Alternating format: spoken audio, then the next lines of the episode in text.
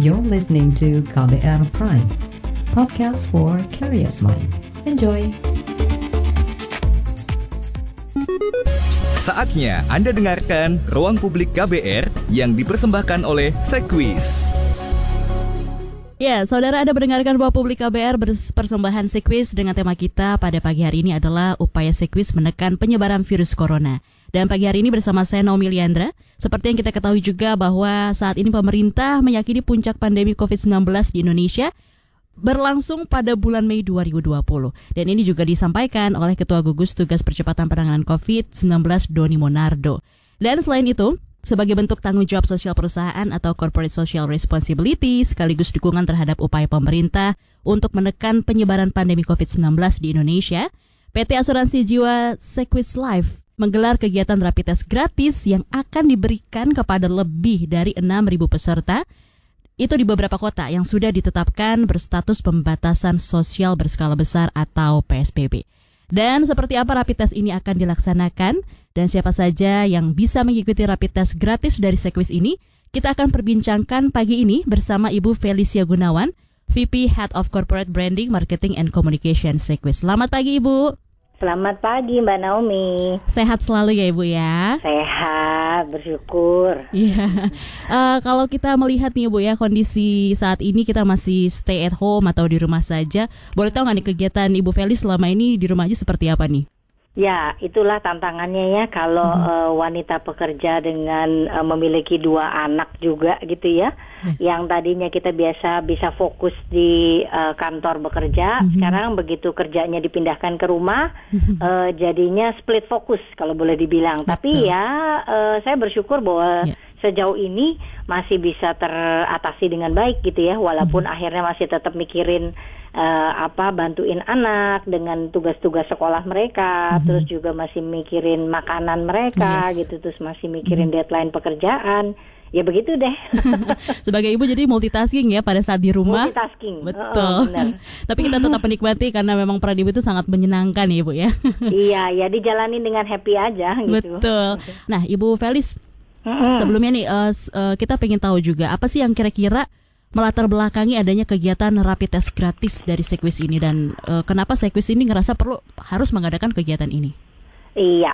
Jadi uh, sebetulnya memang uh, pertama-tama mm-hmm. kami kemarin ini sempat concern uh, melihat kondisi uh, karyawan kita duluan ya. Mm-hmm. Jadi artinya kami berusaha untuk memutuskan uh, mengambil keputusan yeah. untuk mengutamakan keselamatan dan kesehatan para karyawan kami. Berawalnya dari situ. Mm-hmm. Sehingga perusahaan melihat wah ini kayaknya memang harus kita ikuti, kita taati semua aturan pemerintah demi keselamatan uh, karyawan-karyawan kita juga. Hmm. Kemudian baru kami juga berpikir selain karyawan kami juga punya tanggung jawab terhadap nasabah kami gitu ya terhadap nasabah kami lalu bagaimana dengan mereka akhirnya ada beberapa kebijakan yang perusahaan lakukan yang intinya untuk uh, kepentingan uh, nasabah untuk mengu uh, menguntungkan pihak nasabah sehingga tentu saja kalau kita udah bicara nasabah kita nggak uh, apa nggak terlepas dari bicara soal masyarakat secara umum nah berawal dari pemikiran apa ya sebagai perusahaan yang sudah berdiri di Indonesia 35 tahun lamanya, apa yang harus kami lakukan untuk membantu uh, paling tidak bisa membantu masyarakat lah gitu loh. Bisa membantu pemerintah juga untuk berkontribusi dalam masa pandemi ini. Sehingga akhirnya terpikirlah sebagai salah satu bentuk corporate social responsibility kami gitu ya dan juga untuk mendukung pemerintah untuk menekan penyebaran pandemi Uh, khususnya memang saat ini masih terbatas di wilayah DKI Jakarta atau sebarannya sampai ke Detabek ya, uh, Depok, uh, Tangerang, Bekasi. Uh, dan akhirnya kita memutuskan untuk ya sudah uh, let's do something, mari kita lakukan sesuatu untuk paling tidak bisa membantu masyarakat dan pemerintah gitu. Oke, tapi kalau untuk rapid test dari Sekwis ini sendiri untuk pelaksanaannya gimana itu Ibu? Ya, jadi uh, setelah kami berbicara dengan banyak pihak rumah sakit gitu ya dan juga uh, expert-expert para pakar ahli di bidangnya, akhirnya kami memutuskan untuk pemeriksaan rapid test yang kami lakukan bekerja sama dengan pihak-pihak rumah sakit uh, partner kami itu dengan menggunakan atau mengambil sampel darah yang diambilnya dari pembuluh darah vena. Artinya bukan sekedar dari ujung jari, tapi lebih uh, baik kita ambil dari pembuluh darah vena karena istilahnya lebih apa ya, mungkin aliran darahnya lebih bagus gitu ya mm-hmm. kalau kita ngambil dari pembuluh darah vena. Nah kemudian darah yang diambil tersebut itu digunakan untuk mendeteksi adanya imunoglobin atau uh, istilahnya antibodi. Antibodi ini biasanya akan terbentuk saat tubuh mengalami infeksi. Jadi mau dicek itunya tuh ada antibodinya yang tahu-tahu e, naik gak melonjak dibanding biasanya sehingga bisa mengidentifikasi apakah seseorang itu terinfeksi sesuatu atau tidak. Okay. Gitu. Tapi kalau Jadi, untuk rapid test ini hmm. bisa lebih cepat lah untuk oh. mengidentifikasi bahwa orang itu terkena yeah. infeksi atau tidak, kurang lebih kayak oh, gitu. Kurang seperti itu ya. Tapi kalau untuk di kegiatan rapid test nanti uh, kebijakan social atau uh, physical distancing itu tetap diterapkannya seperti apa Ibu? Oh tetap, mm -hmm. tetap karena mm -hmm. prosedur rumah sakit juga ketat. Mm -hmm. Makanya pelaksanaan ini dilakukannya di rumah sakit, di area rumah sakit. Mm. Jadi bukan uh, sembarangan, artinya tetap kami mematuhi yang namanya physical distancing. Jadi ada jarak uh, orang yang duduk pun sudah diatur jaraknya supaya tidak berdekatan. Mm -hmm. Yang berdiri pun juga ada batasannya supaya tetap menjaga jarak satu meter minimal. Mm -hmm dan mereka juga diwajibkan tetap menggunakan masker. Kalau untuk gitu. kegiatan ini uh, ada berapa tahap kah atau ada berapa cara mungkin si peserta Caranya datang ke rumah sakit? sih memang ada dua okay. saat ini. Mm-hmm. Ada yang kita sebut drive thru mm-hmm. ya, jadi di dalam kendaraan uh, mobil mereka atau di atas motor mereka gitu melintas mm-hmm. di uh, apa uh, space yang sudah disediakan yeah. gitu ya. Tapi ada juga yang sistemnya tetap walk-in kita ladeni hmm. juga. Karena kan mungkin ada orang-orang yang harus berkendaraan umum gitu ya. Yeah. Jadi ada drive-thru dan walk-in. Kalau untuk jumlah rapid testnya nih Bu, yang akan diberikan dalam kegiatan ini ada berapa banyak? Ya, jadi uh, rapid test ini sudah kami langsungkan sejak 27 April yang lalu dan masih akan berlangsung sampai nanti menjelang Lebaran. Jadi tepatnya 22 Mei terakhir. Jadi empat minggu ya, empat minggu full. Nah, selama periode empat minggu full ini, uh, kalau kami estimasikan berdasarkan uh, kapasitas dari masing-masing rumah sakit, maka kalau uh, sesuai rencana kami akan uh, diperkirakan memberikan rapid test ini lebih dari 6.000 orang lebih dari 6.000 hmm. orang selama 4 minggu tersebut. Dan ini uh, free ya atau gratis? Gratis, betul, Wah. gratis. Uh, kalau untuk rumah sakit ibu, rumah sakitnya ada berapakah di wilayah yang uh, bisa dibilang masuk dalam wilayah PSBB dan ya. ada rumah sakit tertentu kah gitu? Jadi rumah sakit yang saat ini memang sudah uh, bergandengan tangan dengan kami dan menyambut uh, kerjasama ini itu ada tiga rumah sakit yaitu yang satu adalah rumah sakit uh, Primaya jadi dahulu uh, dikenalnya awal bros. Ya. Kemudian yang kedua adalah rumah sakit mitra keluarga. Hmm. Kemudian yang ketiga adalah rumah sakit Hermina. Hmm. Nah, tetapi total jumlah lokasinya itu berarti ada 25 rumah sakit. Yeah. 25 rumah sakit yang merupakan jaringan dari tiga uh, grup rumah sakit yang saya sebut barusan. Oke, okay. uh, kalau untuk orang-orang ataupun masyarakat yang sebenarnya ingin sekali mengikuti kegiatan ini, apakah ada syaratnya atau antusiasmenya masyarakat itu seperti apa hingga saat ini, Bu? Dari 27 April yang lalu yang sudah diselenggarakan. Uh, jadi uh, karena tujuan kami adalah untuk membantu pemerintah uh, mengatasi uh, pandemi ini, maka memang rapid test ini kami prioritaskan terlebih dahulu kepada orang-orang atau masyarakat yang memiliki potensi terpapar COVID lebih tinggi atau yang mem, atau istilahnya yang memiliki risiko tinggi terpapar COVID gitu.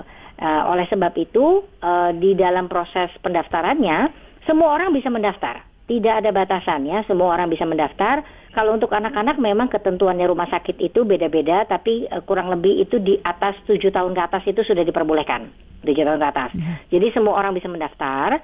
Hanya saja memang nanti mereka uh, bisa mendaftar online, mereka masuk ke dalam sebuah website yang sudah kami sediakan dengan link yang sudah kami sediakan ya dan kemudian masuk ke dalam website tersebut mereka akan menjawab pertanyaan-pertanyaan kesehatan terlebih dahulu.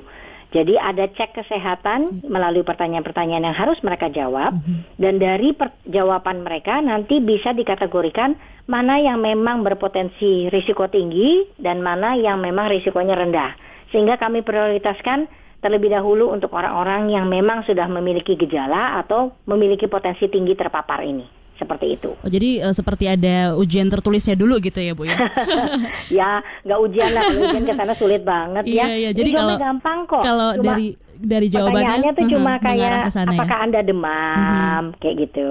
Oke baik. Tapi kalau untuk sosialisasi yang dilakukan sejauh ini seperti apa Bu sehingga masyarakat tuh tahu kalau memang ada rapid test gratis dari Sequis? Ya, sosialisasi memang saat ini kami lakukan eh, dengan berbagai macam cara. Nomor satu adalah lewat promosi sosial media di Sequis itu sendiri. Kemudian kami juga dibantu oleh rekanan kami untuk eh, mempromosikan eh, kegiatan ini gitu ya, s- eh, baik dari rumah sakit rumah sakit. Jadi masing-masing rumah sakit juga mereka punya eh, akun Instagram, Facebook, mereka juga mempromosikan. Kemudian kami juga meng-email blast dan um, um, WA blast kepada seluruh karyawan dan seluruh tenaga pemasaran kami, ya tenaga pemasaran kami, eh, agen-agen kami itu juga membantu. Dan kemudian eh, lewat website, lewat website kami, kemudian juga lewat radio. Jadi salah satunya seperti eh, yang sekarang ini kita ya. lakukan Mhm. ini lewat radio. Eh, kemudian ada lagi nanti lewat sebetulnya lewat TV ya, tapi baru akan berlangsung besok. Itu lebih ke liputan sih, liputan kegiatan yang kami harapkan lebih bisa dilihat oleh banyak orang sehingga nanti cycle berikutnya bisa lebih banyak orang lagi yang mengetahui dan mendaftar. Gitu. Jadi kalau eh, bayangannya nih berarti di setiap rumah sakit yang sudah bekerja sama dengan Sequis ini sendiri eh, seperti ada booth-boothnya gitu ya Bu ya? Betul. Jadi eh, masing-masing rumah sakit itu punya metode yang berbeda. Jadi misalnya kalau yang mereka sudah siap dengan drive-thru, mereka sudah menyiapkan bahkan tenda, Oke. gitu ya, tenda untuk orang bi- eh, untuk mobil bisa langsung lewat. Demikian. Mereka juga sudah menyiapkan eh, apa ruangan khusus. Ada yang menyiapkan satu gedung khusus di samping rumah sakit mereka sebagai eh, dibilangnya gedung screening. Jadi khusus untuk orang-orang yang mau diperiksa eh, potensi COVID ini mereka disiapkan tempat khusus gitu ya. Jadi ya memang beda-beda tergantung kesiapan. Tapi kebanyakan memang sudah menyiapkan tenda gitu, menyiapkan lokasi khusus seperti itu. Kalau untuk start itu dari jam berapa sih Bu? Misalnya orang pengen menyambangi rumah sakit-rumah sakit yang udah ditentukan. Iya, jadwal kembali lagi juga me- yang menentukan masing-masing rumah sakit. Jadi ada jadwal yang dimulainya dari pukul 9 pagi, berakhirnya sampai dengan jam 2 siang. Namun juga ada rumah sakit yang justru baru mulainya jam 1 siang, berakhirnya jam 5 sore. Oh, gitu. Tapi saik- eh, siklusnya kurang lebih per rumah sakit itu menyediakan sekitar 4 alokasi jam. Jadi 4 jam. jadi durasi itu 4 jam setiap rumah sakit ya? Betul. Dan satu jamnya kita batasi. Jadi satu jamnya itu mulai dari 8 orang Mhm. sampai dengan maksimal itu 12 orang per satu jamnya. Oh, Oke, jadi Hmm, semua karena faktor Hmm. physical distance, distancing itu juga kan. Iya, jadi memang eh, orang-orangnya juga dibatasi juga ya Bu ya setiap jamnya itu ya. Betul, nggak bisa ngumpul rame-rame nantinya. Yes. Pokoknya eh, eh, rentang waktu itu selama 4 jam di setiap setiap kita ingin apa namanya menyambangi rumah sakit yang sudah ditentukan ya. Betul. Ya, Ibu Felis nanti kita akan lanjutkan kembali ya. Boleh. Masih Anda dengarkan Ruang Publik KBR yang dipersembahkan oleh Sekwis.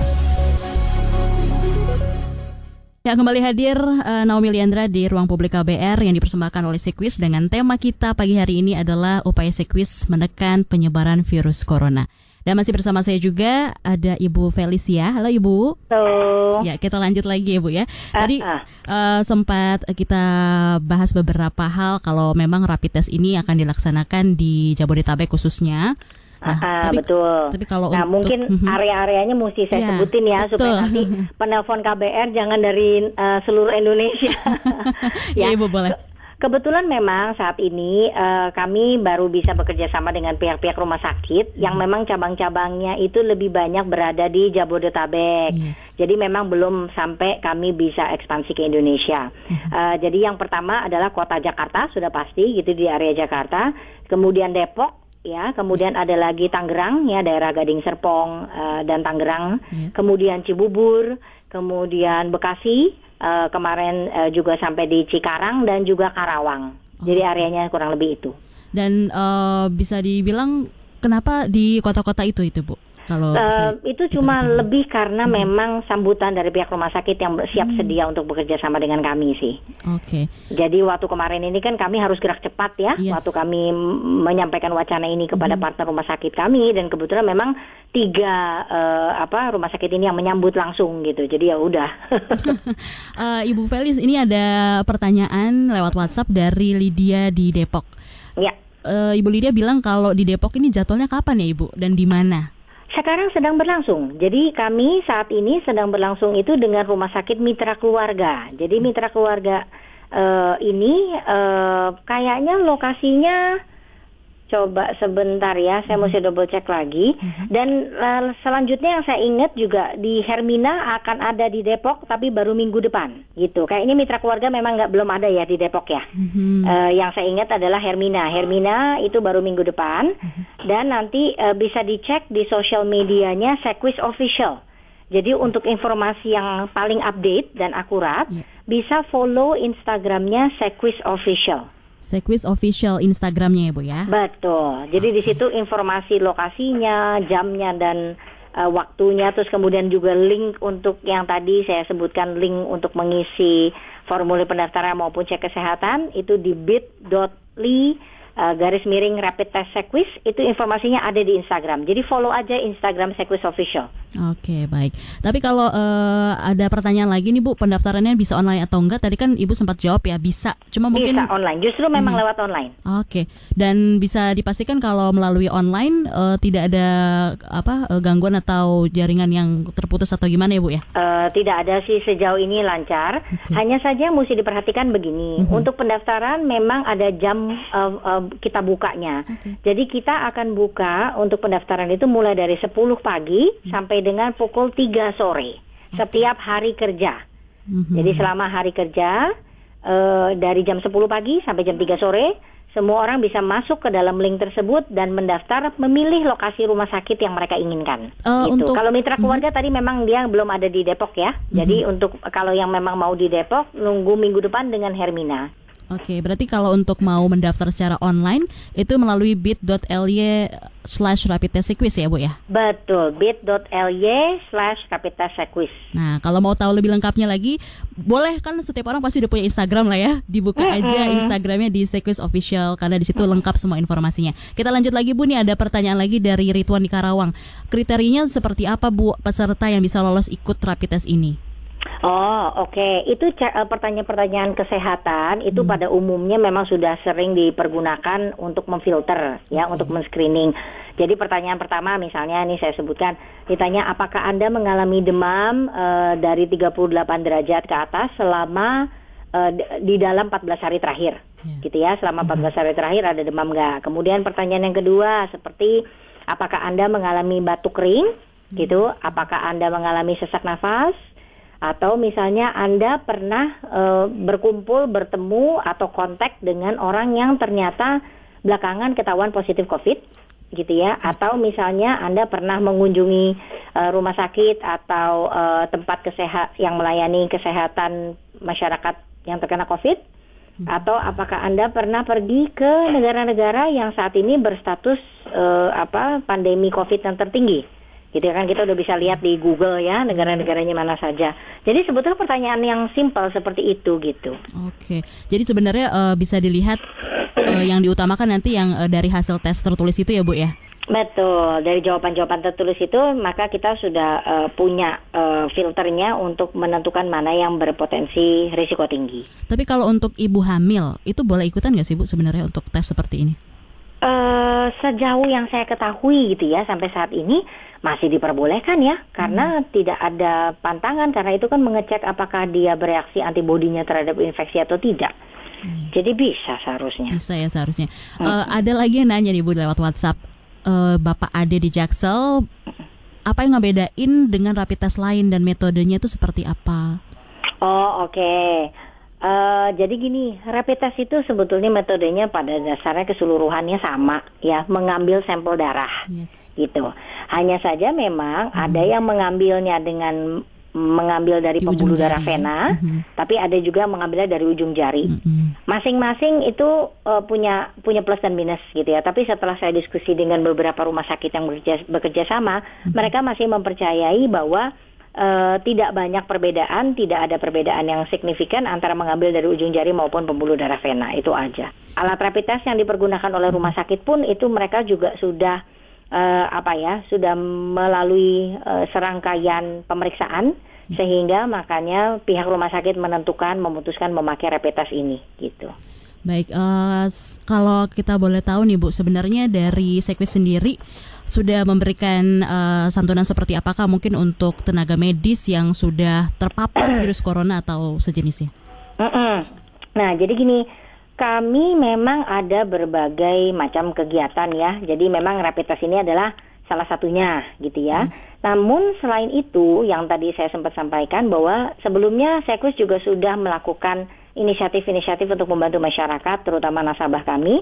Jadi yang pertama misalnya eh, kami eh, memberikan manfaat perlindungan bagi setiap nasabah bagi semua nasabah yang sudah memiliki produk asuransi kesehatan Sequis Kalaupun mereka didiagnosa positif COVID dan dirawat di rumah sakit, maka seluruh perawatannya itu bisa ditanggung manfaatnya akan ditanggung oleh asuransi kesehatan Sequis.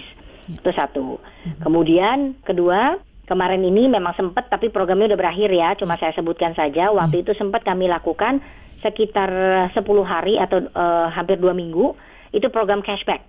Artinya kalau memang si e, nasabah Sequis itu terdapat diagnosa atau didiagnosa terkena positif COVID hmm. dan mereka melakukan perawatan di rumah sakit, kami memberikan santunan tambahan yang besarnya itu sampai dengan 10 juta rupiah, tergantung jenis produk uh, asuransi yang mereka miliki.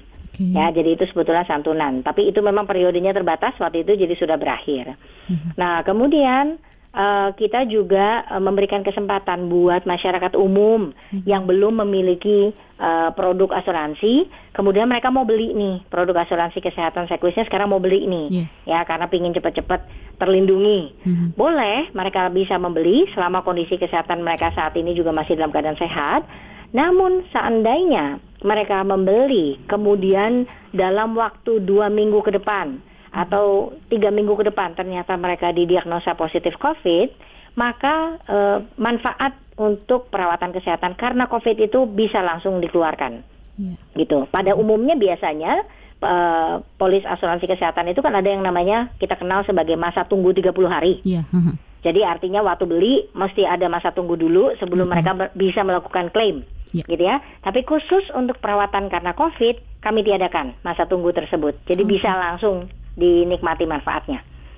Jadi gitu. tidak mesti tunggu lama lagi langsung bisa uh... langsung bisa seandainya mereka baru beli mm -hmm. dan lang, uh, ke diagnosa COVID seminggu setelahnya misalnya gitu langsung bisa manfaatnya cair untuk perawatan kesehatan COVID itu. Nah kemudian yang terakhir yeah. kami juga akhirnya memikirkan bagaimana dengan nasabah-nasabah yang uh, tidak dirawat tapi mereka diduga positif COVID gitu ya. Jadi yang kita sebutnya orang dalam pengawasan itu loh ya, yeah. uh, ODP. Mm-hmm. Tapi mereka akhirnya dipulangkan dan harus merawat dirinya sendiri di rumah alias isolasi mandiri, karantina mandiri. Mm. Nah, itu pun akhirnya kami bikin kebijakan untuk bisa mengcover biaya-biaya perawatan mereka, misalnya pembelian obat-obatannya gitu ya bagi nasabah yang memang diharuskan melakukan isolasi mandiri atas rekomendasi dokter. Selama ada tulisannya bahwa memang ini suspek uh, atau diduga positif COVID, hmm. mereka juga bisa melakukan reimbursement. Jadi gitu. dipermudah oleh Sequis gitu ya Bu ya? Iya, karena ya memang masa-masa ini ya hmm. ya harus kita bantu lah masyarakat masyarakat ini sebanyak-banyaknya gitu. Betul. Tapi kadang ada yang berpikir karena ini yang digelar oleh Sequis sendiri, jadi si masyarakat ini ngerasa eh kan aku uh, belum menggunakan asuransi Sequis gitu loh Bu. Jadi mereka ada yang nanya nih, kebetulan Alfian di Bekasi, apakah kita pengguna Sequis langsung atau kalau bukan pengguna Sequis boleh ikutan ini atau tidak? Nah, jadi rapid test kembali lagi kembali ke rapid test, rapid test untuk masyarakat umum. Baik itu sudah menjadi nasabah Sequis maupun belum menjadi nasabah Sequis, tidak masalah. Oke. Jadi rapid test bisa berlaku untuk masyarakat umum. Mhm. Kalau yang tadi program-program yang tadi saya sebutkan memang Yes. ada yang sebagian besar untuk nasabah Mhm. gitu. Jadi kalau untuk masyarakat umum yang sedang mendengarkan sekarang bisa eh, untuk mengikuti program dari si Sequis ini sendiri ya Bu ya. Betul. Jadi bisa mengikuti program rapid test untuk mengecek eh, kondisi kesehatan mereka apabila memang mereka saat ini mengalami gejala-gejala atau mencurigai dirinya eh, terpapar eh, COVID gitu ya. Iya, dan ini sudah diselenggarakan di Jakarta, Depok, Tangerang, Cibubur, Bekasi sampai Karawang juga ya. Betul, itu nanti bertahap ya. Jadi Hmm. yang kata-kata tadi saya sebutkan akan bertahap. Mhm. Saat ini masih dengan mitra keluarga. Mhm. Minggu depan baru kita akan mulai eh, dengan rumah sakit Hermina. Minggu Dan lokasi-lokasinya bisa dicek di Instagram eh, Sequis Sequis Official. Official. Follow aja di situ. Baik. Nah, ini ada pertanyaan dari Bapak Andre di Depok. Kalau untuk premi termurah boleh tahu berapa Ibu untuk asuransi Sequis? Nanti akan kita jawab ya Bu ya setelah jeda Ah, ah. berikut ini ya Bu ya. Boleh. Masih Anda dengarkan Ruang Publik KBR yang dipersembahkan oleh Sekwis. Kembali lagi bersama saya Naomi Liandra di ruang publik KBR yang dipersembahkan Sequis dengan tema kita pagi hari ini upaya Sequis menekan penyebaran virus corona. Masih bersama dengan Ibu Felicia. Halo Ibu. Iya, halo. Kita juga mau tahu nih Bu, kita kepo ya Bu ya. Ternyata eh, pengen tahu sebenarnya berapa sih banyaknya klaim yang udah diberikan oleh Sequis sendiri terkait COVID-19 ini?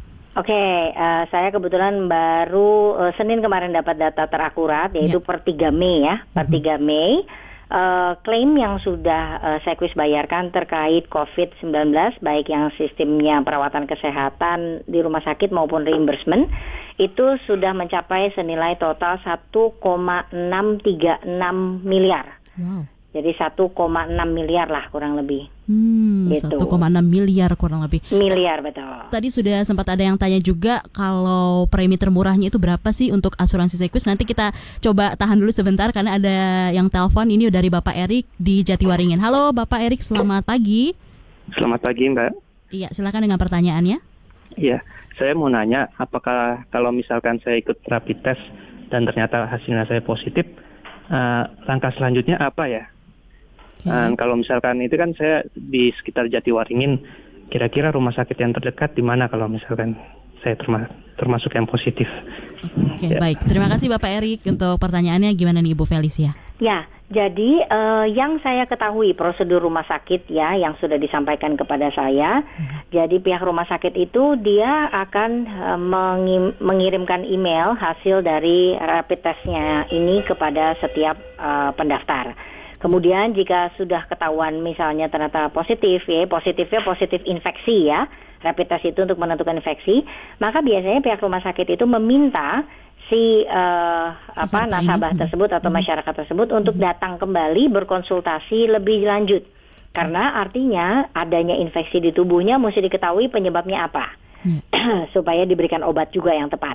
Oke, baik. Nah, kemudian biasanya di follow up kalau memang kecurigaannya kuat eh, ke arah eh, infeksi karena virus corona, maka biasanya dilakukan tindakan lebih lanjut.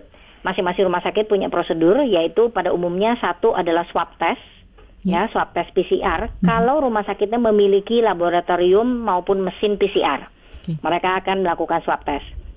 Namun eh, langkah berikutnya juga, kalaupun memang belum memiliki PCR swab test, langkah berikutnya juga bisa dilakukan ronsen, pengambilan ronsen untuk paru-paru untuk melihat kondisi paru-paru, atau melakukan CT scan. Ya untuk melihat kondisi paru-paru juga, karena biasanya dari CT scan itu bisa terlihat eh, apakah eh, bercak-bercaknya ada eh, yang terkena oleh virus corona. Karena biasanya kalau virus corona itu sudah menyerang masuk ke paru-paru, biasanya terlihat bercak-bercaknya. Nah, biasanya tahapannya yang kami ketahui dari rumah sakit adalah seperti itu, dan pastinya akan disuruh untuk isolasi. Ya, harus mengisolasikan diri kalau misalnya memang ada dugaan infeksinya karena virus eh, corona. Jadi balik lagi prosedur masing-masing rumah sakit itu berbeda dan harus dicari tahu rumah sakit-rumah sakit mana yang memang sudah eh, menerapkan atau bisa melayani pasien untuk eh, coronavirus ini gitu. Sejauh yang kami ketahui kalau daerah eh, saya juga kurang begitu hafal tapi Primaya itu banyak di area Bekasi. Jatiwaringin seharusnya daerah sekitar sana bukan ya? Iya ya, mendekati lah. Uh, uh, Ya, jadi uh, rumah sakit awal Bros atau sekarang Mhm. dikenalnya dengan Primaya itu juga banyak memiliki uh, apa cabang-cabang di daerah Bekasi. Dia ada di Bekasi uh, Utara, Timur, sama Barat kalau nggak salah. Oke, baik. Ibu eh, tadi sempat ada yang tanya nih ya untuk premi yang paling termurah untuk asuransi Sequis ini berapa? Ada Bapak Andre di Depok, boleh dijawab Ibu? Ya, jadi ini sangat relatif ya. Ini sangat relatif artinya eh, saya juga tidak bisa eh, menyampaikan yang akurat untuk kebutuhannya Bapak. Kenapa? Karena begini, usia itu menentukan eh, nilai premi, gitu ya. Usia menentukan nilai premi, kemudian jenis produknya itu juga menentukan besaran nilai premi, kemudian uang pertanggungan yang dipilih atau manfaat yang diinginkan besarnya itu juga menentukan besaran premi. Itu sudah pasti. Sehingga rangingnya sangat beragam. Tetapi yang kami sampaikan adalah yang bisa kami sampaikan, kalau Bapak mau cari tahu lebih jauh bisa dilihat di sequis.co.id karena produk-produk eh, Sequis ini sangat beragam. Dari mulai produk asuransi jiwa sampai produk asuransi kesehatan, bahkan ada juga asuransi pendidikan, asuransi yang berbalut investasi, bahkan juga untuk perencanaan dana pensiun. Kami juga memilikinya. Nah, kemudian kalau dinilai dari berapa mulai dari berapa, Sequis itu sudah memiliki produk yang harga preminya itu dimulai hanya dari Rp38.000 per bulan. Jadi artinya sudah ada produk yang harganya preminya Rp38.000 per bulan. Itu yang bisa didapatkan melalui misalnya produk seperti produk Super U. Kita sebutnya Super U. Karena produknya itu terjangkau untuk eh, istilahnya anak muda yang baru mau eh, memiliki atau coba-coba memiliki asuransi Ya. dan bisa didapatkan secara online. Oh. Ya, jadi bisa dicari Super U itu eh, adalah salah satu channel eh, yang bisa untuk membeli asuransi online. Nah, tapi ada juga eh, produk lain yang harganya eh, 380.000 mulai dari 380.000 setahun. Ada juga Iya. mulai dari 380.000 setahun. Jadi masing-masing plus minusnya banyak tergantung disesuaikan sama kebutuhan Mhm. gitu. Tapi kalau untuk produk Super U tadi yang Ibu sebutkan ya, itu Mm-mm. itu boleh tahu nggak Bu manfaatnya apa aja yang diterima eh, oleh si nasabah ini? Jadi ah, produk eh, Super U ini adalah produk asuransi jiwa yang berbalutkan dengan eh, ada juga asuransi kecelakaan. Ya, jadi Super U ini adalah asuransi jiwa plus asuransi kes- eh, kecelakaan. Ragamnya juga banyak gitu ya. Jadi ada asuransi jiwa saja, ada asuransi jiwa kecelakaan bermotor, ada juga ah, bisa ditambahkan dengan asuransi kecelakaan untuk traveling gitu ya. Ya. Nah, jadi ragamnya juga banyak. Bisa dicek aja di superu.co.id. Oke baik, jadi di superu.co.id ya itu tadi pertanyaan dari Bapak Firman Bintaro ya Bu ya. Kita Iya. lanjut lagi ada yang nanya lagi nih Bapak Agus di Pondok Gede, ada batasan usia nggak Bu kalau mau daftar rapid test gratis ini sendiri? Iya, sejauh ini dari pihak rumah sakit itu hanya kalau membatasinya adalah anak-anak itu dimulai eh, tujuh tahun ke atas ya. Mhm. tujuh tahun ke atas gitu. Lebih karena gini, kalau balita itu mungkin pada saat diambil darahnya kan akan kesulitan juga biasanya mereka kan akan eh, istilahnya meronta-ronta gitu kan nggak bisa diem. Sementara kalau proses pengambilannya itu melaku, apa dilakukan di ruang screening tertentu atau drive thru itu jadi kan akan memakan waktu itu aja sih Hmm, oke. sebetulnya. Jadi mereka merekomendasikan tujuh tahun ke atas gitu. Tapi tidak menutup kemungkinan yang di bawah tujuh tahun itu diperbolehkan sama rumah sakit ya. Hmm, Tidak. Jadi dilihat situasi dan kondisinya juga Ibu ya. Ya. Ini ada Ibu Enang di Tangerang eh, nanya lagi nih Bu berapa lama hasil rapid test itu bisa keluar atau dinyatakan positif atau negatifnya? Iya, sebetulnya rapid test itu cepat prosesnya, gitu. Yang membuat eh, rumah sakit mem- membutuhkan waktu itu karena kan antriannya, Mhm. ya karena antrian untuk me- mengikuti rapid test ini kan cukup banyak, sehingga mereka memberikan kebijakan satu kali 24 jam sampai maksimal dua kali 24 jam eh, hasilnya itu akan diinformasikan lewat email kepada si pendaftar, Oke. gitu. Jadi informasinya masuk ke email pendaftar ya Bu ya? Betul. Jadi sering Jadi nanti cek email. isi formulir pendaftaran dipastikan alamat emailnya benar, nomor handphonenya benar untuk bisa dihubungi. supaya nanti eh, bisa tahu langsung hasilnya.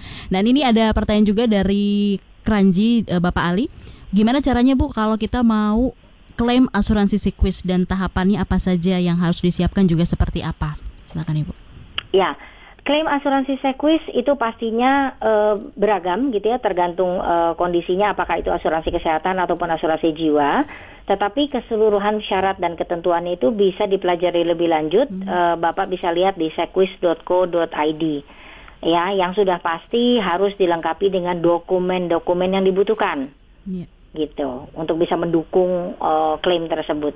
Kelengkapannya mungkin daripada nanti saya bacain terlalu panjang dan banyak bisa dilihat di sequis.co.id apa saja. Baik. Gitu. Uh, kalau untuk atau bisa telepon ya, mm -hmm. bisa telepon juga ke Sequis uh, di nomor telepon Sequis. Di nomor telepon Sequis boleh di dua sembilan sembilan empat dua sembilan dua sembilan.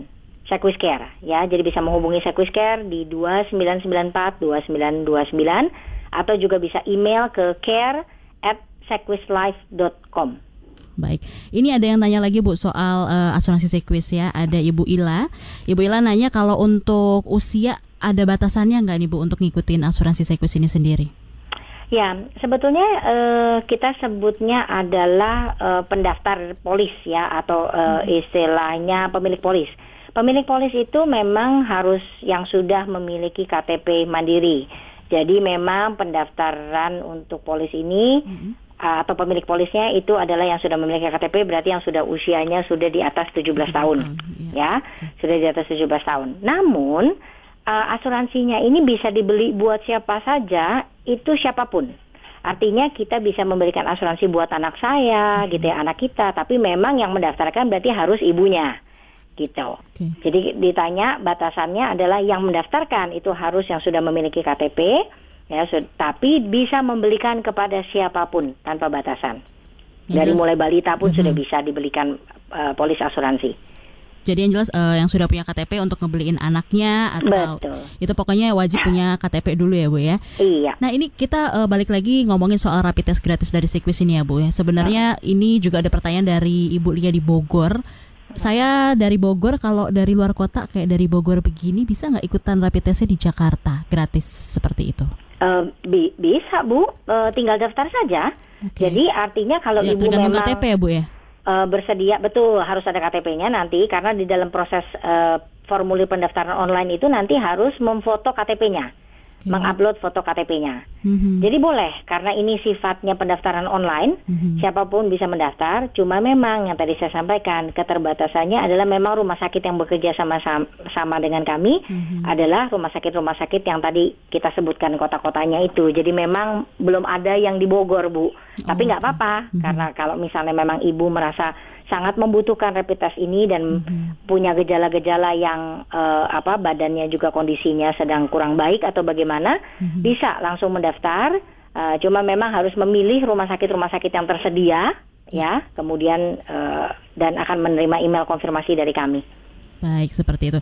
Tadi kan uh, sudah Ibu sempat sampaikan juga kalau memang rapid test gratis ini memang sudah sedang berlangsung di Jabotabek ya Bu ya berarti ya? Iya ja, uh, Jawa, Jakarta, Bogor, kemudian eh Bogor belum ya? Jakarta, ah, belum, belum, belum, belum. Depok dan nanti yang akan datang mungkin baru Karawang atau seperti apa Ibu? Uh, Karawang sudah. Jadi oh, okay. nanti yang masih akan datang hmm. itu kurang lebih uh, Rumah Sakit Hermina. Jadi Rumah Sakit Hermina itu ada di Depok, ada di uh, sebagian di Cibubur, kemudian yeah. di Cikarang itu akan ada. Baik, Ibu Felis, kita tahan dulu nanti kita akan lanjut kembali ya Ibu ya. Ya, thank you. Masih Anda dengarkan Ruang Publik KBR yang dipersembahkan oleh Sekwis. Ya inilah bagian akhir ruang publik KBR yang dipersembahkan oleh Sekwis. Tema kita pagi hari ini adalah upaya Sekwis menekan penyebaran virus corona. Masih bersama saya Ibu Felicia. Halo Ibu. Iya. Iya, halo Mbak Naomi. Iya. Tadi saya mau menambahkan informasi buat Ibu yang di Bogor tadi ya. ya. Kebetulan dia menanyakan. Mm -hmm. Jadi kalau Ibu memang mau mendaftar, mm -hmm. ini saat saat minggu ini, minggu ini sampai dengan tanggal 9 Mei nanti ya. Kebetulan tanggal 7 Mei itu karena hari besar eh, rumah sakitnya juga uh, menutup diri atau meliburkan diri dulu yeah. ya untuk uh, pemeriksaan rapid test ini tapi akan dilanjutkan di Jumat dan Sabtunya 8 sampai 9 Mei. Okay. Dan kalau kita lihat di rumah sakit mitra keluarga yang terdekat kita bicara dari Bogor itu ada di Cibubur memang. Baik. Ya, itu ada di Cibubur, rumah sakit mitra keluarga ada posisinya di Cibubur itu yang paling dekat dengan daerah uh, Bogor. Mm-hmm. Selain di Bekasi, Bekasi Timur, Bintaro, Cikarang, Depok, Gading Serpong, Kalideres, Kelapa Gading dan Kemayoran. Itu yang minggu ini dilangsungkan di Rumah Sakit Mitra Keluarga. Baik. Minggu depan, minggu depan itu dari mulai tanggal 11 sampai dengan 15 Mei, uh-huh.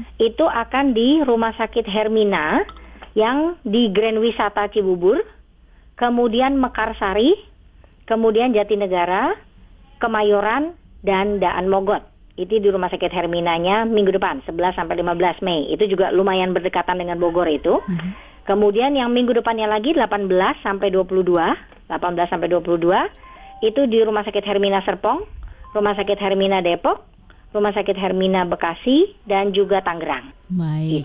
Itu, itu tadi uh, menjawab pertanyaan Ibu Lia di Bogor ya, Bu ya? Iya. Ini ada yang nelpon Ibu dari Bogor lagi Bapak Hendardi. Halo Bapak Hendardi, selamat pagi. Halo. Terima kasih. Selamat pagi Mbak Nomi. Selamat pagi Ibu narasumber. Iya, selamat pagi Bapak.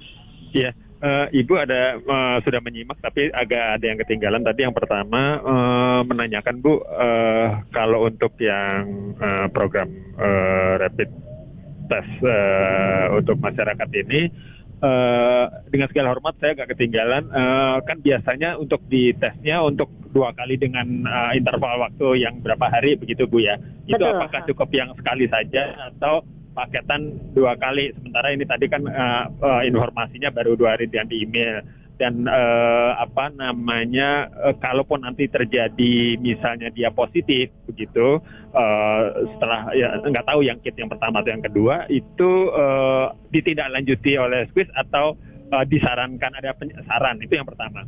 Yang pertanyaan kedua ibu mau menanyakan kalau uh, kita ambil yang paket dasar dulu saja seperti yang ibu sampaikan tadi yang per bulan sekian itu tiga bulan sekian itu mohon maaf kalau untuk paketan uh, kelanjutan dari yang rapid ini disiapkan nggak dari rumah sakit yang bekerja sama dengan itu paket lengkapnya dari uh, rapid test yang double beserta dengan PCR-nya bu.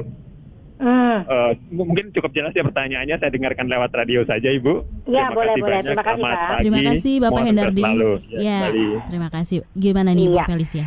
Uh, begini Pak, saya akan coba jawab uh, dengan kapasitas saya sebagai pihak sekwis ya Pak. Karena saya terus terang tidak berani menjawab untuk sebagai kapasitas pihak rumah sakit. Karena masing-masing rumah sakit itu menawarkan paket-paket yang berbeda-beda, menawarkan uh, istilahnya layanan kesehatan yang berbeda-beda. Dan memang kapasitas saya tidak sampai situ untuk bisa menjawabnya. Jadi untuk program CSR Sekwis ini memang hanya program CSR satu kali. Artinya yang kami berikan ini hanya satu rapid test untuk satu orang. Satu rapid test untuk satu orang. Jadi bu, tidak ada yang dua tadi yang Bapak tanyakan. Dan kebetulan memang ini adalah salah satu program uh, istilahnya donasinya perusahaan kepada masyarakat. Semaksimalnya yang kami bisa bantu adalah ya ini untuk bisa tersebar diterima oleh sebanyak-banyak masyarakat. Makanya satu orang satu kali rapid test saja. Itu satu. Kemudian yang kedua tadi betul informasi yang Bapak tanyakan, terkadang rapid test ini jika di apa dilakukan tesnya itu kepada orang-orang yang baru saja misalnya terkena infeksi, artinya begini, orang kalau sudah terinfeksi itu dia butuh waktu 6 sampai 7 hari di dalam tubuhnya untuk antibodinya bereaksi. Gitu ya, mungkin uh, informasinya yang Bapak dengar itu seperti itu. Sehingga kalau orang ini baru dites di hari pertama dia terkena infeksi, mungkin belum terlihat gitu respon antibodinya. Sehingga makanya perlu dilakukan tes yang jaraknya itu sekitar 6 sampai 7 hari kemudian untuk melihat apakah ada reaksi antibodinya terhadap uh, infeksi di tubuhnya gitu. Tetapi balik lagi, kita kan tergantung pada orang tersebut ngetesnya di hari keberapa. Seandainya ternyata orang ini sudah terinfeksi dari eh, tiga atau empat hari yang lalu, kemudian dia baru mengetesnya sekitar hari ke-7 atau hari ke-8, maka bisa juga kemungkinan kalau memang dia infeksi, di hasil rapid testnya sudah terlihat positif. Gitu. Jadi kembali lagi, pihak rumah sakit hanya menyampaikan bahwa jika memang dari hasil rapid test ini terlihat ada yang positif, maka pihak rumah sakit itu meminta si nasabah atau meminta si pasien untuk datang kembali dan konsultasi ulang dengan uh, pihak hmm. dokter di rumah sakit di mana mereka melakukan rapid test. Dan itu sudah di luar daripada kekuasaannya Sekwis. Itu adalah haknya pihak rumah sakit mm-hmm. untuk memfollow up si pasien tersebut. Kurang lebih seperti itu. Jadi mm-hmm. kembali lagi tadi kami memang hanya melakukan donasinya satu kali lewat kegiatan rapid test ini. Ya. Selanjutnya follow up-nya si pasien masing-masing akan ya, Bu. Uh, betul ber uh, apa istilahnya berurusan atau bekerja sama dengan hmm. pihak rumah sakit masing-masing langsung gitu. Jadi uh, kalau kita lihat dari rapid test gratis ini uh, memberikan sekali rapid test gratis kemudian selanjutnya kebijakan dari rumah sakit masing-masing Ibu ya. Betul, betul. Karena memang rumah sakit hmm. juga punya kewajiban yes. membantu program pemerintah, bukan? Betul. Jadi mereka juga pasti akan memantau dan memonitor dan berusaha semaksimalnya untuk membantu gitu. Tapi kalau selain rapid test nih Bu, banyak inisiatif dari Sekwis ya terkait pandemi corona kayak misalnya uh, donasi APD juga. Nah, ini bisa tolong Ibu jelaskan soal donasi APD ini, Bu? Ya. Jadi kebetulan uh, dua dari tiga rumah sakit yang di mana kami bekerja sama ini sudah uh, memasukkan uh, donasi ini dengan APD mereka. Jadi artinya gini, untuk setiap satu rapid test yang kami sumbangkan lewat rumah sakit ini sudah termasuk uh, sumbangan satu uh, APD alat pelindung diri untuk tenaga kesehatan yang melakukan rapid test ini. Ya. Jadi boleh dibilang ya kami sudah uh, membantu pihak rumah sakit dari mm-hmm. dua sisi itu sih. Baik. Nah, Bu, kalau ada nih yang pengen tahu lebih dalam mengenai uh, asuransi Sequis ini sendiri, bisa hubungi ke mana nih, Bu? Websitenya kah atau sosmednya? Betul. Jadi nomor satu website sudah pasti itu merupakan sumber informasi yang lumayan lengkap untuk bisa dibaca-baca dan dipelajari di sequis.co.id satu. Kemudian kedua uh, bisa follow Instagram kami di @sequisofficial gitu ya. Mm-hmm. Kemudian juga kami ada fanpage di Facebook di Sequis Life Official. Yep. Ya, jadi semua informasi itu dengan mudah bisa didapatkan di sana. Mm-hmm. Dan bila ingin berbicara atau ngobrol lebih jauh juga bisa menghubungi Sequis Care di nomor telepon uh, 2994 2929. Cuma memang selama uh, work from home ini, uh, Sequis Care ini dihubunginya itu dari mulai jam 9 sampai dengan jam 4 sore saja. Baik, untuk Ibu Felicia, terima kasih untuk waktunya. Bisa dikasih uh, tahukah atau apa yang Ibu sampaikan kepada masyarakat yang sudah mendengarkan saat ini?